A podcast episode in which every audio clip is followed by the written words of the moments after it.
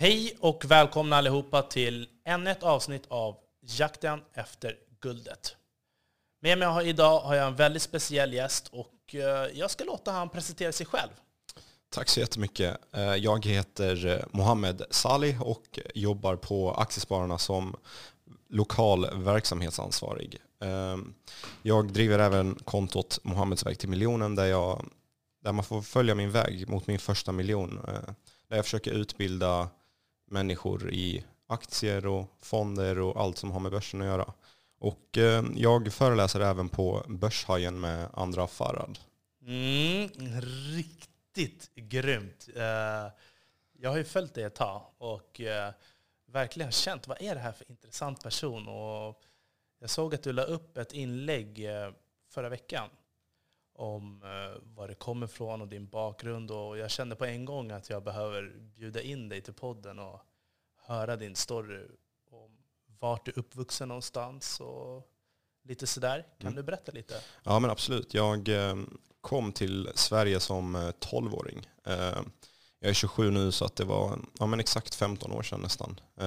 Vi kom till Sverige. Vi flydde Irak 1996 så det har varit en ganska lång flyktväg. Vi har gjort många pitstops i diverse olika länder och tagit den här långa, långa flyktvägen med gummibåtar och allt vad det nu heter från, eh, från Irak till eh, slutdestinationen i, i Sverige där, där vi äntligen fick uppehållstillstånd och mm. är nu. Kan du berätta någonting om flyktvägen? Kommer du ihåg någonting om det? Har du ja. något minne från Irak också? Eller? Ja, tyvärr har jag förträngt ganska mycket eh, av både flyktvägen och, och min uppväxt. Jag vet inte varför det men eh, jag har ju små, små frekvenser och en grej som, som sitter djupt i, i näthinnan det är väl att eh, när vi tog en båt från eh, Grekland till Italien eh, så, så var min brorsa spädbarn eh, och han grät så mycket så att eh, morsan matade honom med tabletter för att inte vi skulle bli upptäckta på, på den här vägen på båten. Liksom. Eh, det kommer jag ihåg att, vi, att hon gömde oss liksom under en filt för att hålla oss tysta hela vägen. Mm. Hemskt alltså, hemskt. Och, bodde ni i några andra länder innan ni kom till Sverige eller var det liksom?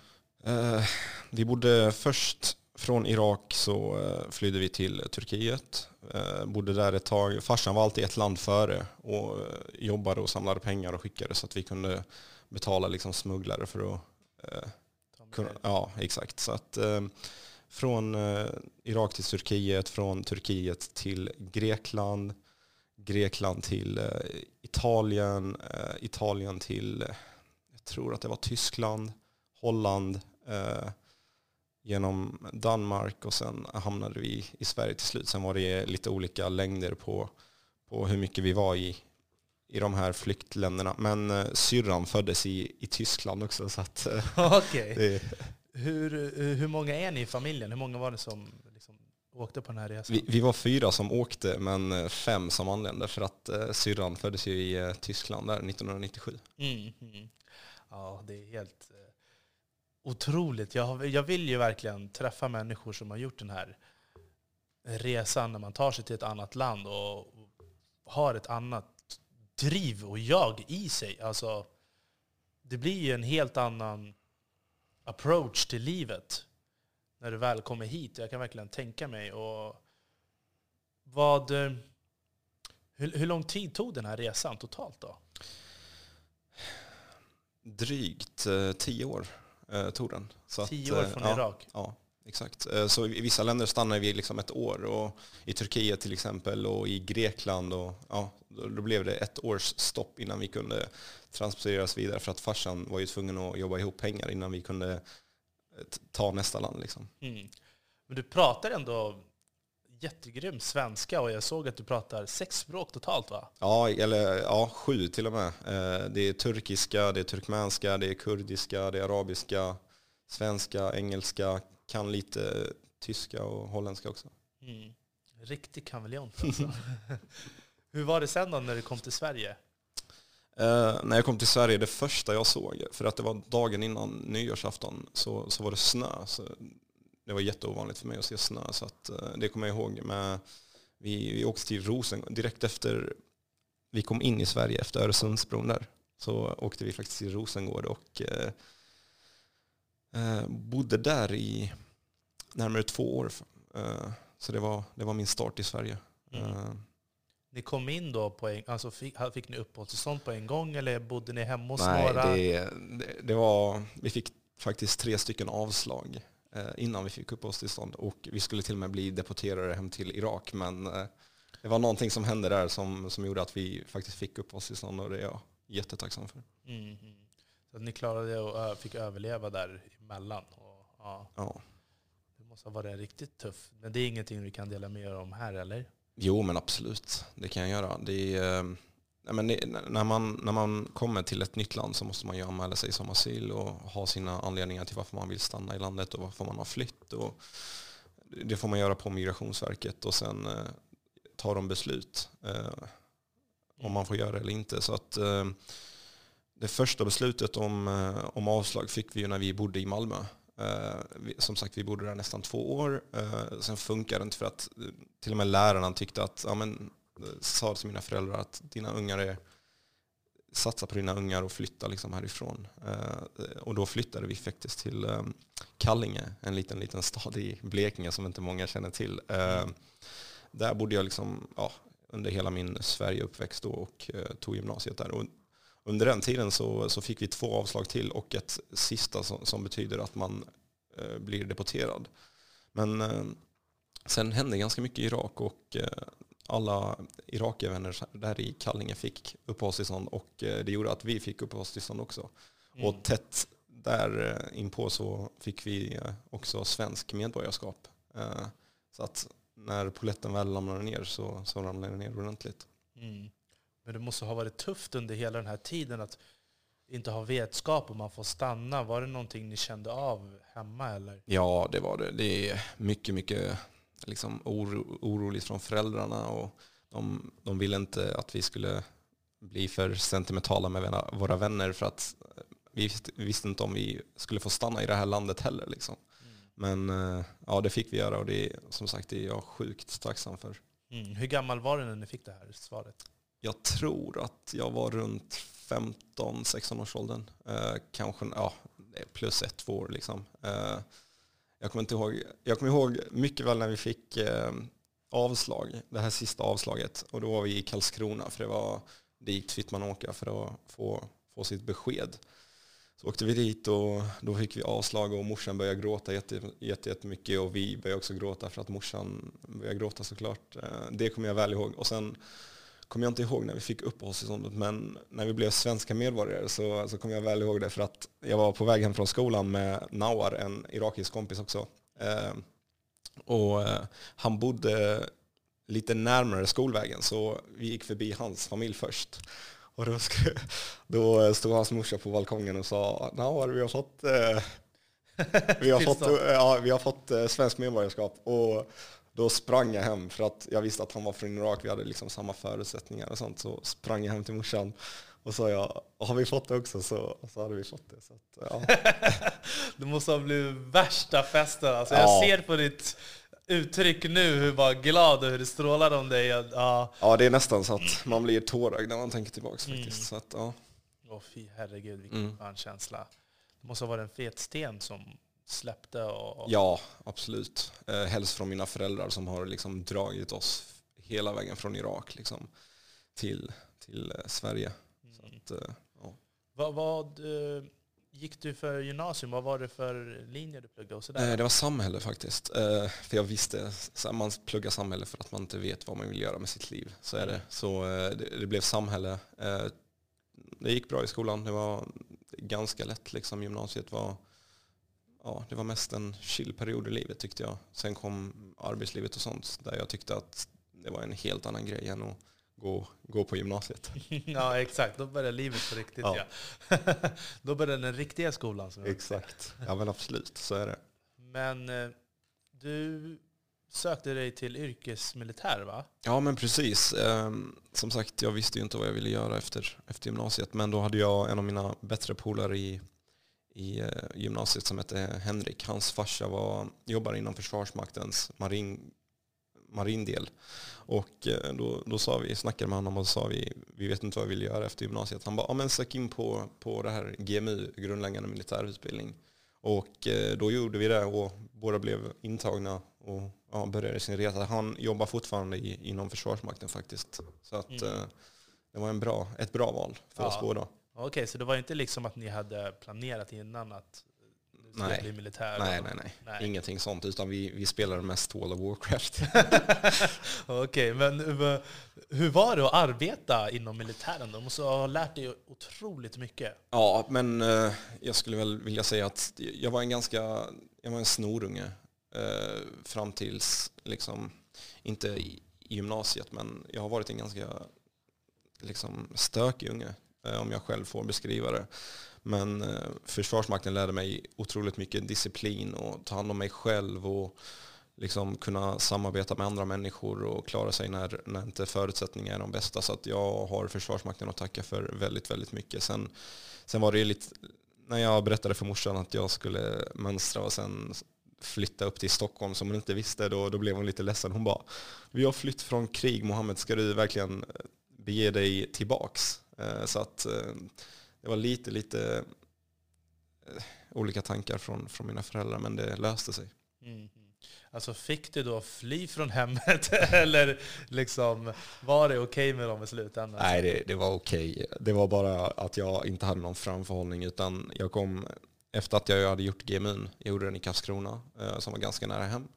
Och två dagar efter GMUn så kom jag in i, på amfibieregementet här i Stockholm och då då var jag tvungen att berätta det för mina föräldrar. Ja, jag ska flytta till eh, Stockholm om två dagar, mamma och pappa. Så att, eh, det var ganska tufft för dem. Och här har jag bott, även om jag inte kallar Stockholm mitt hem än, så, så har jag bott här i ja, snart åtta år. Okej, okay. snacka om att hålla kvar i gamla... ja, ja, absolut. Mm. Kallinge och eh, Blekinge är faktiskt i mitt hjärta. Det är där jag är uppvuxen. Och jag, förhoppningsvis kommer jag flytta tillbaka dit någon dag när eh, när allting stämmer. Mm. Men hur ser arbetsuppgifterna ut då, när man jobbar inom militären? Är det någonting du får avslöja? Eller? Ja, det är, det är inget hemligt utan man har ju mycket eh, människor som filmar det här också. Men eh, eh man börjar ju, nu är det lite annorlunda. För innan var det ju värnplikt och sen slopade de värnplikten ett tag och sen är det värnplikt nu igen. Men när jag gjorde det under den här mellanperioden då var det att man gjorde tre månader grundläggande militärutbildning som alla i hela landet var tvungna att göra exakt samma utbildning. Och sen fick man välja vad man ville göra efter. Eh, om man ville gå mot marinen eller mot eh, jägarförbanden. Eller, och då kom jag in på, på amfibieregementet. Och i, i början så är det så här grundläggande hur man ska klara av att vara i fält, hur man tvättar sig i fält, hur, hur man skjuter vapen, hur man eh, agerar i krig. och eh, Ganska intensiva, tre månader var det. Mm. För att eh, du får tänka att innan var det mellan 9 och 11 månader som man tryckte ihop i en tre månaders period. Så att det blev ganska, ganska intensivt där. Eh, mycket ute i fält, eh, övernatta och mm. låtsas kriga och eh, mycket träna, mycket utbilda. Eh, ja. Men eh, sen valde du att inte fortsätta eller alltså, hur kommer det sig? Tänkte du så här, jag har, jag har en kusin som eh, ganska nyligen tog studenten och han sa att, att han vill bli militär. Och då frågade jag honom, men vadå, så du vill bli en mördare? Ja, vi, eh, i Sverige är det faktiskt fredbevarande allting typ. Mm. Så att man, man, lär sig liksom inte, jag, jag, förstår varför man tänker så, eh, men det, det är helt andra, andra grejer man lär sig. Man lär sig att bli självständig skulle jag vilja säga och disciplinerad och får, eh, får ett driv som man kanske inte hittar eh, ute i det civila arbetslivet. Utan jag kan säga att mycket av mitt driv har jag fått därifrån också. Och sen när det väl blir tufft i det civila så tänker man tillbaka ute i fält. Var, Oj, jag, var ju, jag fick inte äta på fyra dagar så det kanske inte är så dåligt att jag tar lunchen två timmar eh, senare. Liksom. ah. Ja, men det låter kul att du säger civilians och sådana här saker fortfarande. Jag brukar också själv se vanliga människor som civila, även om jag inte vet vad jag ska kalla mig själv. Ja. men eh, nice! Mm. Alltså verkligen. Jag, jag, det är klart att jag tycker, jag tycker det är väldigt intressant med människor som jobbar inom militären. Jag vet ju att ni får lära er så otroligt mycket som man kan ha användning för i, i livet. Uh, själv skulle jag aldrig kunna göra det, för jag tänker att man måste ändå, förr eller senare behöver man väl ändå ta beslutet. Om jag blir militär eller polis, då måste man veta innan. Jag måste vara beredd att döda. Ja, absolut. Uh, och inom Försvarsmakten så eh, om du blir positionerad utomlands så, så, så är det många som, som antingen åker eller säger upp sig. Mm. Så att det är absolut... Så det händer så? Alltså ja. Så det finns, det finns absolut grejer som, som kan vara lite horribla så att säga. Men vill man nå sitt mål så får man gå igenom det som behövs. Liksom. Mm. Är det bra betalt inom Försvarsmakten? Nej, det är det absolut inte. Eh, det är, jag tror inte det är många som är där för pengarna, utan många lever sina hobbys därifrån. Folk älskar friluftslivet, älskar vapen och mm. älskar liksom sammanhållningen. Och det, det, är det du får inom Försvarsmakten. Pengarna är, jag tror jag, min ingångslön inom eh, Försvarsmakten eh, var 16 125 kronor. Mm. Hur gammal var du då? då? Jag var 19. 19? Ja. Var det en bra lön då? Eller? Jag vet inte. Ja, nej. Alltså det var, var det en vanlig svensk standardlön då? Eller var jag, det tror, eh, jag tror den vanliga lönen inom Sverige, vad var det här, 2012 tror jag, kanske låg på 24. Så det var ju inte, det var ganska... Okay. Men det som är positivt med att jobba inom Försvarsmakten, du får eh, kläder, du får eh, boende, du får, alltså inom, när man gör GMU och grundkurs så här amfibie och sånt, då får man ju allting betalt. Så att jag kunde ändå spara pengar trots att jag fick ut 12 500 kronor. Mm. Men vadå, om du jobbar inom Försvarsmakten, kan du få så här hemliga spionuppdrag? Bara, ja, men nu råkar du bo nära den här killen och jag vill att du övervakar ah, honom. Inte, inte riktigt så. Och det finns ju specialförband för det. Eh, särskilda operationsgruppen. Mm. Och de är ju faktiskt hemliga. Där, där får man inga... De är ju inte kända för allmänheten så att säga. Men den finns och de, eller de jobbar för sig själva. Okej, okay, så det är inte så att man alltid kan använda vem som helst inom Försvarsmakten till små grejer? Nej, nej allting är väldigt eh, reglerat. Eh, allting från liksom vapeninlåsning och ammunition och allt sånt är, är väldigt, väldigt reglerat och det är bra. Mm, ja, självklart, självklart. Och sen så fortsätter du vidare. Du fick vidare arbete via Mm. militären. Mm. Ja, exakt. Jag gjorde som sagt GMU och sen grundkurs amfibie och sen började jobba inom Försvarsmakten. Eh, var där i ungefär fyra år kan man säga. Eh, och sen eh, finns det en rekrytering och bemanningsfirma som heter Military Work som är väldigt smarta. De vet att man får en annan dimension på personer inom Försvarsmakten så har de tagit det och gjort det till en affärsidé. Så de arbetar endast med människor från Försvarsmakten och hjälper dem ut i det civila livet. Okay. Så att det var så jag kom i kontakt med så kallade civila livet. Och jag är väldigt tacksam för eh, Military Work också för att det var egentligen de som satte ja, rull på min karriär. Mm. Så det är alltså en rekryteringsfirma som bara rekryterar veteraner kan man säga? Och, ja. ja. Men alltså det är ju Jättesmart Ja, alltså. exakt. Och när man kollar på årsredovisningarna så, så kan man se att det är smart på olika sätt. Eh, gör jättebra pengar och har ett väldigt, väldigt bra varumärke. Och jag, liksom, jag är stolt för att jobba för dem. Eh, det är den känslan man får. Eh, och du får eh, bra balans mellan militära livet och arbetslivet och kan liksom kombinera dem. Så att, ja. Mm, mm. Och vad hände sen då? Sen så via den här rekryteringsfirman då så hamnade jag på Eltel Networks. Och jag, är, jag kommer tacka många men jag är väldigt tacksam för Eltel Networks också. Eh, de hjälpte mig jättemycket och eh, när min, för man har ju så här sex månaders provotid och den brukar man göra via den här rekryteringsfirman Military Work. Och efter de här sex månaderna så hamnade jag på Eltel Networks eh, och blev ansvarig ja, med en annan kille projektledare över lite större projekt, eh, upp mot liksom 10 miljoners kronors fibers projekt. Så det var början av min karriär på Military Work. Eh, Okej, okay, då la ni kablar då, typ el, vad heter det? bredbandsnät eller? Ja, vi gjorde, vi gjorde allting. I och med att vi var ansvariga för de här projekten så, så tog vi all, så här kundkontakt vi, med projektering och eh, förberedning av fiber och installation och slutbesiktning. Så att det var från liksom ax till limpa. Eh, Mm. Så vi var liksom ansvariga för, för de där projekten med, med Marcus, eh, min förra kollega. Då. Mm. Eh, Jätte, jätteroligt jobb. Väldigt, väldigt utvecklande. Mm. Hur länge var det där då? Jag var på just den positionen var jag ungefär eh, ett och ett halvt år innan jag blev erbjuden en tjänst på kontoret. För att när jag jobbade som projektledare där så hade vi ganska mycket tid över ibland. Och då valde jag att plugga medan jag jobbade.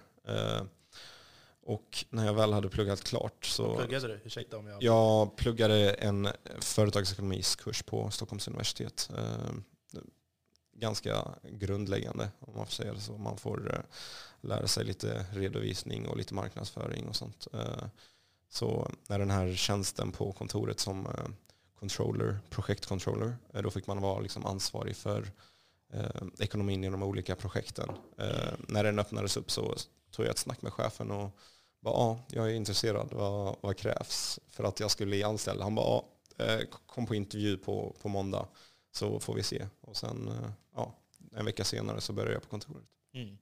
Men alltså controller, det tycker jag är asnice att du fick det sådär snabbt. Alltså vad är det som krävs? Jag har, uh, jag har, jag har ju läst controller-handboken. Det är en stor bok, den är väl typ tusen sidor eller någonting. Otroligt eh, lärorik. Uh, jag fick låna den av min moster bara för att hon sa ja, men läs den här. Den här är bra för att bara lära dig strukturer och liksom uppbyggnad och hela den biten. Men det är ju verkligen en ett tung post. Ja, det, den var bra. Den var väldigt, väldigt lärorik där också. Jag, eh, I och med att jag var ansvarig för all ekonomi i själva projekten, då kunde det vara liksom 100 miljoners projekt där, där jag var ansvarig. Eh, Jag fick rapportera upp till eh, divisionscheferna och liksom ha eh, Ver- Ja, det är verkligen, alltså, jag vet inte hur jag ska förklara, men det, det, det, på minsta lilla mikroskopiska nivå ska du ju liksom kontrollera. mm, precis. Det är ja, helt, helt eh, fascinerande att du fick ta sånt där. Var du utbildad fullt ut för den, eller fick du lära dig Nej, mycket? nej jag, jag fick lära mig mycket praktiskt på, på tjänsten. Jag gick, eh, gick under en business controller ett tag och fick lära mig väldigt mycket. Och där, där får man lära sig alla system och sånt också. Strukturen i, i arbetet och olika posterna som vi ska ta betalt för och hur man eh, bokför det via de programmen vi använder där. Så att, ja. Ja, verkligen. Ja, du, jag tycker det här har varit en fantastisk resa. Jag tycker att vi kan ta en kort paus och så fortsätter vi alldeles strax. Absolut. Okej? Yes. Bra.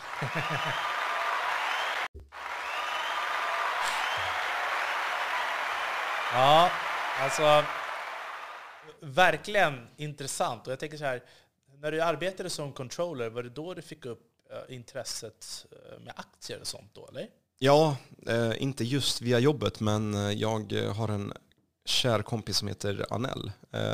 Och jag brukade träna MMA just den tiden. Och en gång åkte vi till träningen tillsammans i Alvik där. Så höll han på med sin mobil hela tiden under resan. Jag bara, Anel vad gör du? Han bara, nej men jag, jag har hittat de här aktierna och jag tror att de kommer stiga jättemycket. Jag var vad är aktier Anel och tjänar du pengar medan vi åker till träningen, då, då vill jag också göra det. Eh, så det var så det började. Okej.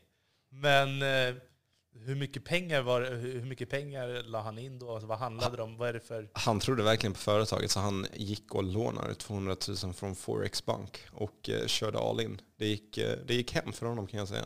Okej. Så eh, jag, jag unnar honom det för att han är världens finaste människa men samtidigt vill man ju också själv göra det. Så att, eh, Mm. det var så mitt intresse började och efter det så började jag mata poddar och böcker. Och, så det var så mitt intresse grodde. Mm. Så du är också självlärd alltså? Ja, absolut. Det är jag. har inte gått så mycket liksom, finanskurser och sånt. Mm. Men eh, när du kör...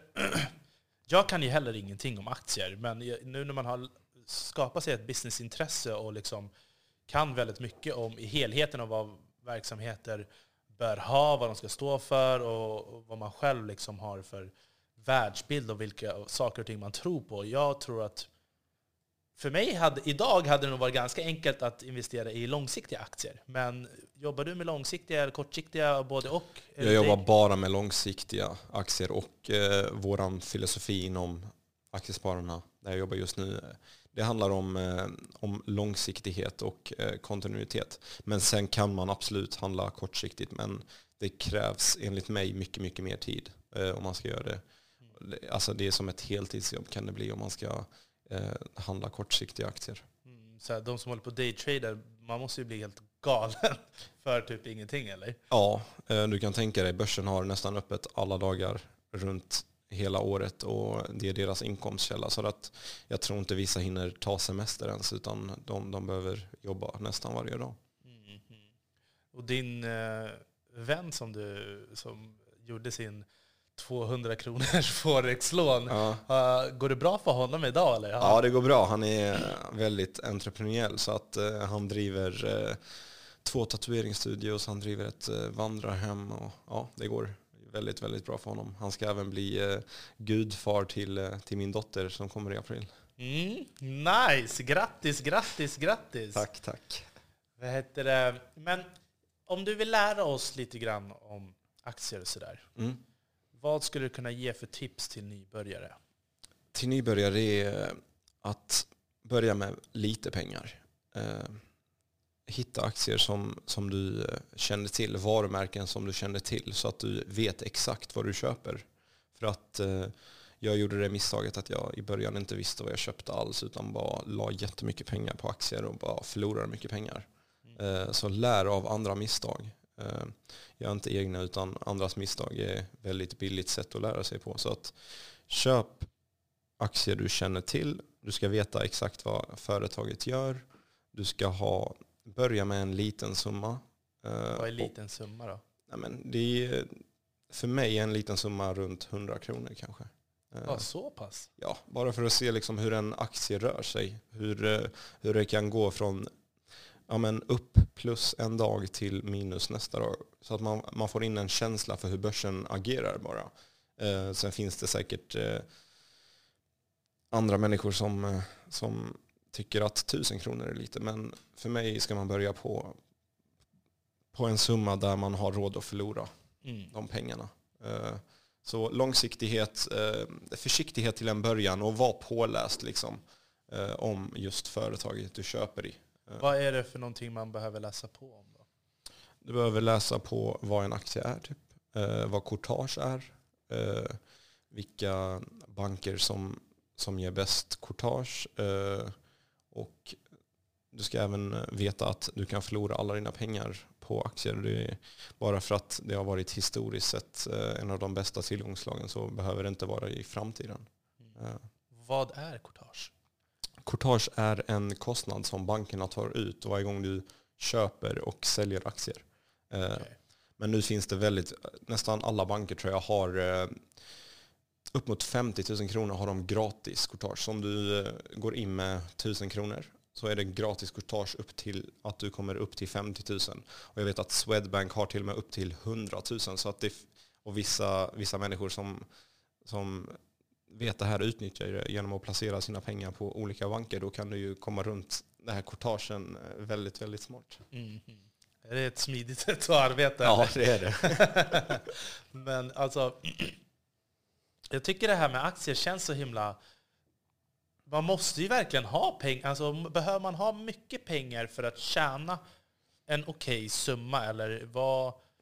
Alltså, självklart, en procent när du har en miljon är mycket mer än en procent när du har hundra kronor. Eh, så är det. Men du får tänka att en procent ner är mycket mer också när du har en mille än vad det är när du har hundra kronor. Så att eh, absolut kan du tjäna mycket mer pengar när du har mycket pengar, men du kan förlora mycket mer pengar också när du har mycket pengar. Eh, så, så att om man ska investera, rekommenderar du då om att man kanske ska följa fonder och sådär, stora investeringsfonder, eller ska man investera själv? Eller? Ny, till nybörjare, och det är inte bara nybörjare, utan jag själv gör det också, så brukar jag rekommendera fonder och investmentbolag.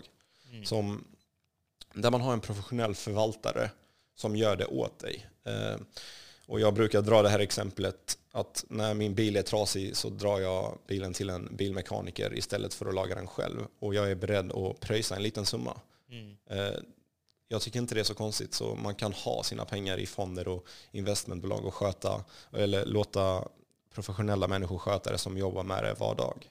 Mm. Brukar det finnas någon så minimumgräns som man behöver ha om man ska gå in i de här fonderna? Eh, vissa fonder har 100 kronor. Eh, jag vet att eh, vissa fonder har mindre. Aktieinvest, där man, kan man till och med köpa andelar av aktier. Så eh, du kan köpa en tiondel av en Volvo-aktie till exempel. Mm. Så att eh, det finns, eh, du behöver aldrig mycket pengar för att börja med, med sparande och börsen. Så att det är väldigt bra. Många, många tror ju att det behövs massiva pengar i början för att börja. Men som sagt, så lite som 50 kronor räcker för att bara komma igång. Mm, för att kunna läsa. Men går marknaden upp och ner så pass mycket att man liksom märker skillnaden på en hundring? Alltså hur länge behöver man ha den här hundringen på kontot för att liksom kunna läsa? Men ty, typ, typ i, i år så har eh, börsen, då snackar jag liksom Stockholmsbörsen, eh, gått upp närmare 25-30 procent. Så eh, dina 100 kronor hade varit 130 och man får sätta de där 100 kronorna i relation till om, man, om du hade haft 100 000. Mm. Då hade de vuxit med 30 000 kronor. Så att, man vill bara se hur börsen reagerar och agerar. Det är, det är det man ska lära sig. Mm. Och hur länge tycker du att man, den här inlärningsperioden bör vara då innan man kan börja hålla på på riktigt? Det är från olika till olika, men om jag skulle rekommendera, som jag sa, fonder och investmentbolag så, så kan man nästan göra det direkt. Absolut. Då är det bara att slänga in pengarna. Ja, helst om man har mycket pengar då, då vill man helst dela upp de här pengarna i, säg om du har 100 000 kronor, då kanske du vill dela upp det under hela året så du går in med, ja men vad blir det, 8 000 kronor i månaden. Eh, Så att du kan tajma liksom både toppar och dalar. Ja, Okej, så det är så du tänker? Du slänger inte in hela hundringen på en gång? Nej. Utan du delar upp det Ja. under hela året? Och lägger du det i olika fonder då, eller är allting i samma fond? Eller? Men jag har eh, tre olika fonder och Mm. 13 olika aktier. Eh, Och aktier, det är en andel i ett företag. Så om jag köper en Apple-aktie, då äger jag en liten, liten del i Apple. Liksom. Mm. Så det är det en aktie är egentligen. Okej, och vad tycker du är mest lönsamt? Alltså är det att eh, köpa andelar i aktier eller att gå in i de här fonderna? Eh, historiskt sett så har aktier varit det bästa. Eh, men samtidigt tar aktier mer tid och det är mer risk. Så att eh, ja, vill man, är man beredd att ta lite mer risk då blir det lite mer reward också. Alltså, vet du det här företaget Clemeon är, eller? Ja, Ja. Har du lagt några pengar där, eller? nej. Jag, eh, jag, eh, köper, jag har gjort eh, jätte- jättemycket misstag i början av min eh, vad ska jag säga, börskarriär. Eh, Nu är det ingen börskarriär för jag, är, jag har hållit på med det i fem år bara. Men då köpte jag som sagt grejer som jag trodde var billigt. Men om en aktie kostar en krona så Mm. finns det ju massvis med nyckeltal där bakom som förklarar varför just den här aktien kostar en krona. Så att en aktie för en krona kan vara dyrare än en aktie för tusen kronor. Okej. Så att eh, bara för att en aktie är billig så är den faktiskt inte billig. Mm. Så det, det låter som att man behöver vara otroligt insatt på ett sätt ändå om man ska köpa andelar i aktier. Ja, e- enskilda bolag behöver man vara mer insatt än, eh, än fonder och investmentbolag.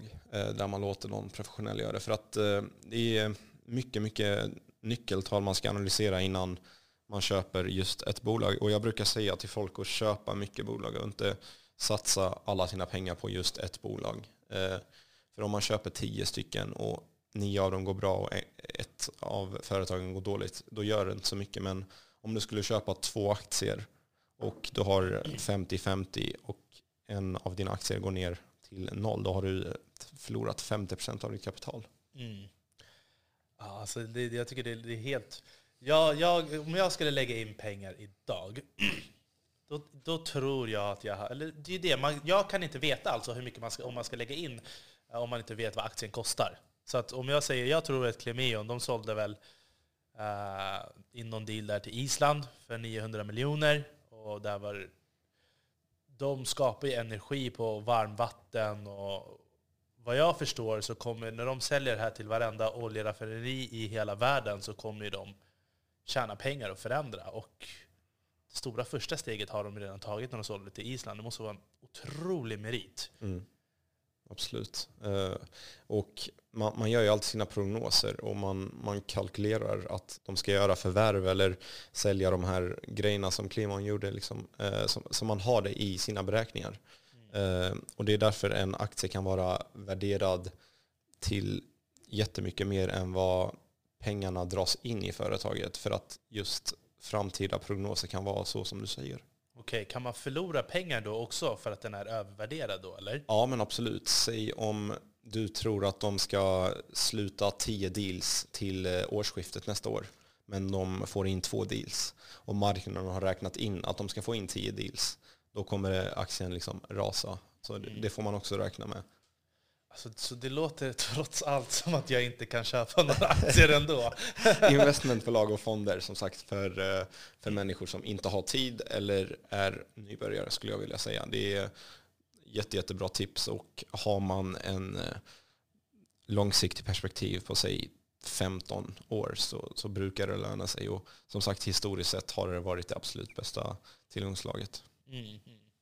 Mm. Jag tycker det är helt otroligt. Alltså. Jag, jag, jag vill sätta mig in lite mera, men eh, du har ju också fått vara med och föreläst lite på Börshajen. Kan mm. du berätta hur du träffade andra och hur du kom in på det där? Det var, det var så roligt, för jag, som sagt, jag driver ju det här kontot eh, Mohammeds väg till miljonen. Eh, och eh, andra skrev till mig där faktiskt. De bara, hej Mohammed, eh, kul att du eh, gör det här och det här är inom vad jag vill förmedla med Börshajen Academy och liksom jag har en hashtag som heter börsen för alla för att jag tror att alla kan spara på börsen. Så skrev hon och sen frågade hon, eh, jag har, en, eh, jag har den här akademin i, eh, i Malmö, vill du hänga med? Och sen är den i Göteborg och Stockholm. Jag bara, ja men absolut. Det, jag blir otroligt glad om jag får föreläsa och bidra till just börsen för alla. För att det, det är det andra jobbar med också. Hon, alla de här eventen som hon gör är ju helt gratis. Och hon, hon har en drivkraft man inte hittar hos många människor. Eh, och den, den smittar av sig. Mm. Verkligen. Alltså det, jag, jag hörde henne första gången när hon var med i, jag tror att det var i Framgångspodden. Och jag vet inte om jag får säga det här, men hon, hon jämförde ju H&M med Zalando. Har du hört om den eller? Nej. Jag tror att det var någonting om att hon sa att eh, H&M för dem att ta fram en produkt från att de känner på ett plagg och sen få ut den i butiken tar det ungefär 6-9 månader. Mm. Men för Zalando så tar det bara 2-3 veckor. Och efter det så bara dök. Och H&M. H&M. Ja, och, och jag var alltså hur bad är inte hon, tänkte jag. Och sen så Lena Apler, tog, det verkade, jag vet inte om, om hon hjälpte henne, men det verkade som det. Och det bara sköt rakt uppåt. Och jag bara, hela hennes resa som hon har gjort har varit så sjukt inspirerande. Och när man hör henne prata, hon har en sån mognad. Och ett lugn och hon verkligen vet vad hon gör. Och jag tycker hon är så otroligt inspirerande. Jag tyckte det var jättekul och när jag såg att du också var med där, för jag har ju också följt dig ett bra tag. Och jag tycker det är kul. Det är en ganska liten krets ändå när man väl är inne och intresserad av business. Vi är intresserade av olika saker, men ändå så är vi i samma sfär, eller vad man ska säga. Mm. Uh, Ja, jag hoppas verkligen att vi får... Jag måste också gå på eventet i Globen. Jag hoppas ja, 5 mars eh, 2020 nu, Globen. Så att jag hoppas så många som möjligt är där. För att det är en helt, ett helt fantastiskt sätt att börja sin sparresa. Eh, och börja spara på börsen. För att jag, som sagt, jag tycker att alla borde göra det och alla kan göra det. Mm. Men för att komma in lite djupare på det filosofiska. Mm. Har du något vad är ditt guld? Finns det någon speciell anledning varför du gör det här? Eller? Jag, eh, jag gör det här för att visa att trots att man inte har eh, alla kort i handen så, så kan man lyckas.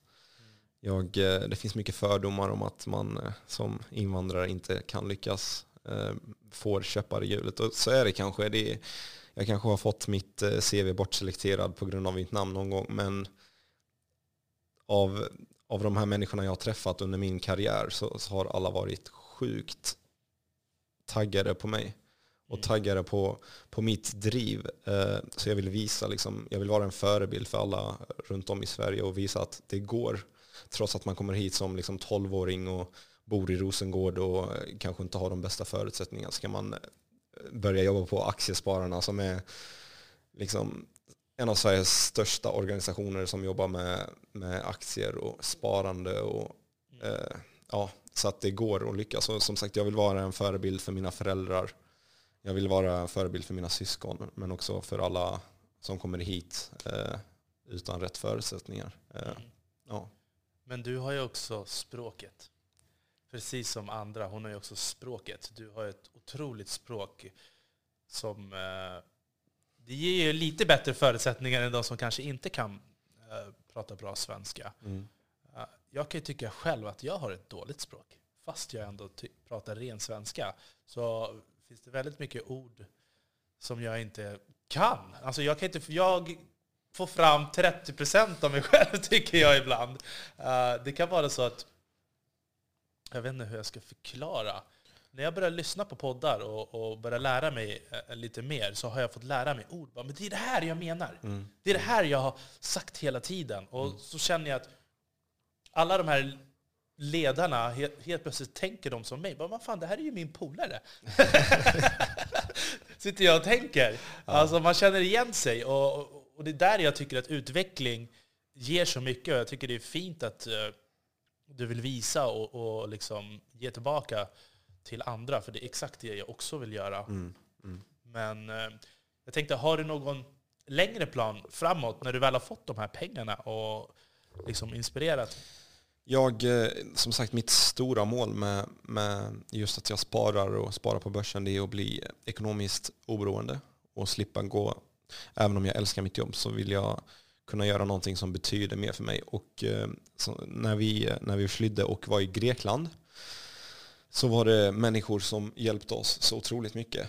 Eh, och liksom gav oss mat och liksom filtar. Och de- har man liksom i, i hjärnhinnan också. Så att eh, en dag så hoppas jag att jag kan göra det här för flyktingar. Eh, och kunna liksom åka till de här flyktingförläggningarna och kanske dela ut mat och filtar och, och bara hjälpa dem. Jag tror att bara genom att ge så mycket kan man, kan man få så mycket tillbaks. Eh, alltså mycket kärlek och värme och glädje. Och, ja. Vill du hjälpa dem då i, alltså i andra länder eller här i Sverige? Eller? helst andra länder där de, där de har det som sämst. Eh, för att när man väl kommer till ett land, då har man ändå förutsättningar att klara sig. Du har tak över huvudet, du har mat, du har en dusch. Liksom. Men när man eh, är på ett ledigt fält i något land och inte ens har rent vatten att dricka, då, det är där jag vill vara. Eh, och jag hoppas att jag kan göra det och att jag når mitt mål. För att eh, jag, tror att det kommer ge mig otroligt mycket. Och det är ändå mitt sätt att ge tillbaka till, det här är väldigt filosofiskt, men till hela världen. För att hela världen har faktiskt hjälpt oss att, att ta oss till Sverige. Från liksom den här, eh, de här hjälparna i Grekland som gav oss mat och mat på bordet och sånt till han som körde oss från Tyskland hela vägen till Sverige. Och så att det är mycket människor man eh, är tacksam för. Mm. Ja, verkligen fint. Alltså, det är just de här sakerna jag vill komma bakom och vill lyfta fram och höra. För jag vet att alla har sitt guld. Eh, varför man gör det man gör. Eh, man har ju, det är delmål och jag vet ju, jag kan tänka mig själv att just det här med aktier, det är liksom delmål. Men sen vill man ju ha pengarna för att använda dem för någonting. Och de flesta som jag har pratat med vill faktiskt ge tillbaka. Alla vill ha sin slant för att ge tillbaka. Och jag tror att när man träffar människor så här eh, som jag gör i podden och, och de får berätta det högt, då vill jag, jag själv vill också ge tillbaka. Det är därför jag startar den här podden. Jag vill skrika högt om mina mål och vad jag vill göra. Och jag vill kunna ge er utrymme att skrika högt också så att vi kan samla oss alla vi som vill ge tillbaka så att vi kanske kan ge tillbaka tidigare. Absolut, jag är jättetacksam att jag får vara med och eh, göra min röst hörd här via din podd. Otroligt tacksam för det. Nej, självklart. Jag är jättetacksam att du kom hit. Men eh, jag tänkte, kan vi ta en liten kort paus till Mm. och så kan vi köra sista segmentet? Absolut. Perfekt.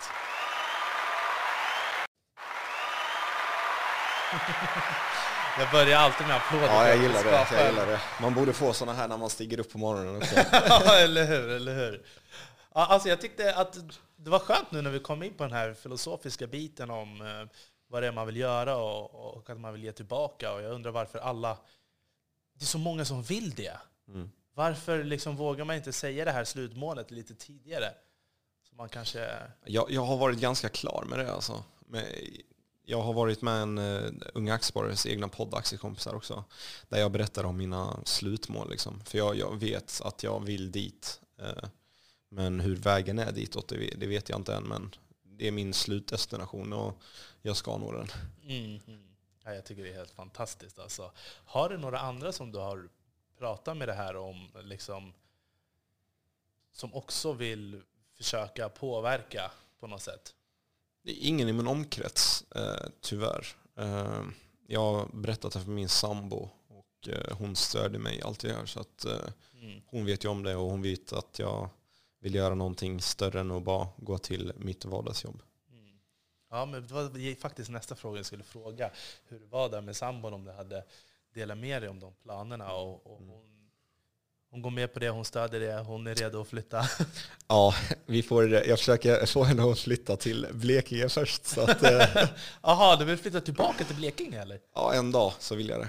Eh, för att det som betyder mest i hela världen för mig är min familj och mina föräldrar. Eh, jag har så mycket kärlek för dem och respekt och eh, jag vill ge tillbaka till, dem också. Mm. För allt slit och allt, allt liksom, de lämnade ju allt bakom sig för våran skull. Eh, de fick såklart en, en eh, bra framtid själva också men eh, ja, den, den där kärleken är större än allt. Men tror inte du att de kanske redan har nått sitt guld? Jo, det tror jag. Deras guld var nog att få oss att blomstra i Sverige. Mm. Eh, Och det har de verkligen lyckats med och det ska de ha all cred för. Mhm. Men nu är du nästa generation och du vill liksom utöka det guldet Mm. och bara få dem att slappna av. Men om du skulle ha jättemycket pengar, skulle du inte kunna flytta dem hitåt istället? Eller vill de fastna kvar där? Eller vad? Nej, jag, jag hade inte velat att de flyttade hit. Okej, Det är, lugnet är guldet där.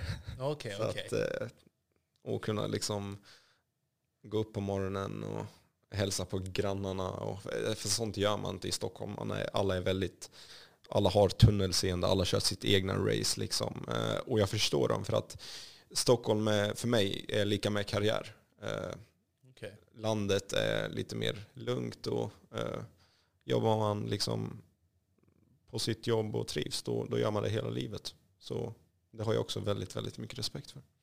Men vad tänker vi om... Eh, många stockholmare tycker att vi betalar för landsbygden. Och landsbygden tycker att de betalar för Stockholm. Ja, det, det kommer alltid vara den diskussionen. Liksom. Eh, de som orkar ta den diskussionen får göra det, men eh, Okej. jag, jag, ställer mig, jag ställer mig på sidan om och låter dem köra sitt race. Jag ville ta den diskussionen och kolla om du skulle nappa, men det är, det är ju svårt. Jag tänker på eh, bara när vi pratar trängselskatter Mm. och vad vi betalar för parkeringar här. Och det är så sjukt mycket dyrare här. Mm. Vi tjänar väl inte så mycket mer pengar? Nej, många har ju den, eh, den tron att vi i Stockholm tjänar jättemycket me- mer pengar än de som bor i, i, på landsbygden. Men tyvärr så gör man inte det. Och allting är dyrare här. Men eh, för någon anledning vill alla flytta hit ändå. Och eh, jag tror att det är karriär. Många huvudkontor finns ju här. Och det är alla säg, artister och alla landslag. Och, så det sker ju. Det är ju pulsen i hela Sverige. Så att jag förstår att allting är dyrare här också. Hur många invånare är det ungefär i Källinge? I Kallinge. Kallinge? Eh, Källinge? Det finns något som Kävlinge finns det Ja, i. Skåne. Så att det, ja, det var nära. Det är, jag tror att det kan vara runt 5000. 5000? Ja, Ja. det är tajt alltså. Det är tajt. Man, eh, man känner liksom ja, 90 procent. Och det, det tycker jag om. Det, det har sin familjekänsla där också. Hur stor chans är det att flickvännen flyttar dit då? Ja, det, Ja, runt nollan skulle jag vilja säga. ja, det är svårt om man är från Stockholm och flyttar till en småstad. Ja, alltså. verkligen. Eh, De, de vägrar flytta på sig, men eh, det får man ha respekt för också. Ändå, ändå jag som eh, tog beslutet att flytta hit, så att jag får stå mitt kast. Exakt. Det är lite väl att kräva faktiskt. Ja. Men, nej, men det är klart, alltså landsbygden, det är, det är jättefint. Jag tycker om också att vara ute på svenska landsbygden. Jag gillar ju natur och Mm. djur och sådär. Mm. Ha- Hade ni några djur eller bodde ni i, i lägenhet? Alltså, du, Nej, vi, I början när vi flyttade till, till Kallinge bodde vi i så här, flyktinglägenhet eller vad det heter som Migrationsverket äger. Sen flyttade vi till en annan lägenhet och sen bodde vi i radhus och nu bor mina föräldrar i en eh, villa Mm. eh, med en jättestor tomt som jag brukar hänga på på somrarna. Mm. Så att, ja. Ja, men då så. Är det, alltså, vilka för, alltså, herregud vad man tänker om landsbygden. Jag har ju noll koll. Men finns det djur och sånt där? Eller är det bara... Eh, Vad är det? Är det småstad eller är det liksom... Ja, men det är ganska by, alltså det är, inte, det är inga gårdar och sånt. Det finns, men det är ändå civiliserat så att säga. Vi har Coop, vi har pizzerior, och, så att det är inte helt eh, på börsen liksom. Mm, mm, mm. Ja, men då så. Aha, jag, jag skulle vilja höra lite mera filosofiskt om eh, vad man vill göra, Mm. eh, vad dina liksom, tankar är och, och sådär kring, kring allt. Har du någonting mer du skulle kunna dela med dig om? Var mer konkret? Har du någon tydlig plan när du väl är där? Ja, just nu har jag inte det faktiskt, utan jag är väldigt målfokuserad nu och vill nå dit. Eh, sen när jag, är, när- jag är där eller börjar närma mig mitt slutmål, då kanske det här planeringsstadiet börjar. Eh, just nu så vill jag bara fokusera på mitt jobb. Jag vill fokusera på mitt mål där jag ska göra börsen tillgänglig för alla och utbilda och finnas tillgänglig för liksom våra ungdomar och våra medelålders män och kvinnor som, som vill lära sig att spara på börsen för att kunna få en bra pension. Jag vill, eh, och det, det får jag göra via mitt arbete. Som sagt, jag tog arbetet på Unga Aktiesparare först eh, och sen hamnade jag på Aktiespararna. Men jag har fortfarande samma mål och det, är- det är att göra börsen tillgänglig för alla. Mm. mm. Nej, men det, det, det är helt fint. Har du ag- aggressiva aktier? Alltså har du något aggressivt spel där också i, i de långsiktiga planerna? Eller? Nej, jag kör väldigt eh, safe cards så att säga. Mm. Eh, Och det är det du föreläser utåt också? Ja, det är det. Det är eh, visst att högre risk ger högre rewards, men jag är inte så mycket för det. För så här är det många som, som föreläser och snackar om aktier. De snackar aldrig om vilka förluster det finns i aktier också. Det, alltså självklart kan företag som finns på börsen gå i konkurs och då förlorar du nästan alla dina pengar. Så att det finns den risken också. Har du någon historia kring något sånt? Ja, men det har jag. jag, jag det första jag gjorde var gick in i en aktie som jag inte visste ett skit om eh, med 100 000 kronor. Mm. Eh, Och den aktien gick ner eh, 97 procent. Eh, Och om man kan räkna så, så vet man att det är 97 000 kronor som jag förlorade och det var det första jag gjorde. Men eh, någonstans visste jag att eh, jag gjorde fel. Jag lärde mig av min läxa och sen hoppade jag tillbaks på sadeln. Liksom. Eh, och jag, jag föreläser om det. När jag snackar då, då snackar jag om vilka risker som finns på börsen också och inte bara att det är guld och gröna skogar. Mm. Men var det ett marknads... Alltså var det en marknad som höll på att dö ut eller var det företaget som hade gjort fel? Eller? Det var ett företag som var hypad av, eh, av människorna runt omkring. Liksom. Alla på jobbet snackade om det, alla på, eh, på alla forum snackade om det. Och sen till slut så, så umgicks jag ju bara med människor som tyckte bra om det här företaget och den aktien. Och det, det blev som en sekt och det, det kan bli lite farligt för att ja, då, då hänger man ner hela vägen. Man hänger med båten och sjunker med den liksom, istället för att bara rädda sig själv. Det låter som typ Fingerprints eller någonting. Jag har för mig att det var väldigt många som... Ja, men det, det finns många aktier. Det var samma med alla Mariana-aktier, eh, med Fingerprint-aktien, eh, The Marketing Group, eh, det var den jag gick in i, Bitcoin, ethereum, alla de här kryptovalutorna som har liksom, de bubblar och sen går de upp jättemycket. Eh, så blir det liksom en Eiffeltornsaktie som rasar på andra sidan. Liksom. Eh, och alla som köper på topparna, de, de kommer aldrig få tillbaka sina pengar. Eller jag kan inte säga att de aldrig kommer få tillbaka sina pengar, men med störst sannolikhet så, så har de förlorat de pengarna. Liksom. Hur känner ni där? Finns det någon konkurrens där med kryptobörsen och vanliga börsen? Nej, inte enligt mig, utan den vanliga börsen är den som är lätt, mest lättillgänglig och mest pålitlig och du behöver inte eh, göra massa transaktioner och ha dina pengar på en USB-sticka. Och, eh, utan det här är legit. Eh, mm. ja. För jag har ju haft eh, Totte Löfström här i studion. Han är ju vd för Trio News och de har ju också EUs första kryptobörs. Mm. Uh, det är ju svårt det där med krypto. Och jag tycker också att krypto betyder ju någonting helt annat idag än vad krypto egentligen betyder. Krypto betyder ju anonymitet. Mm.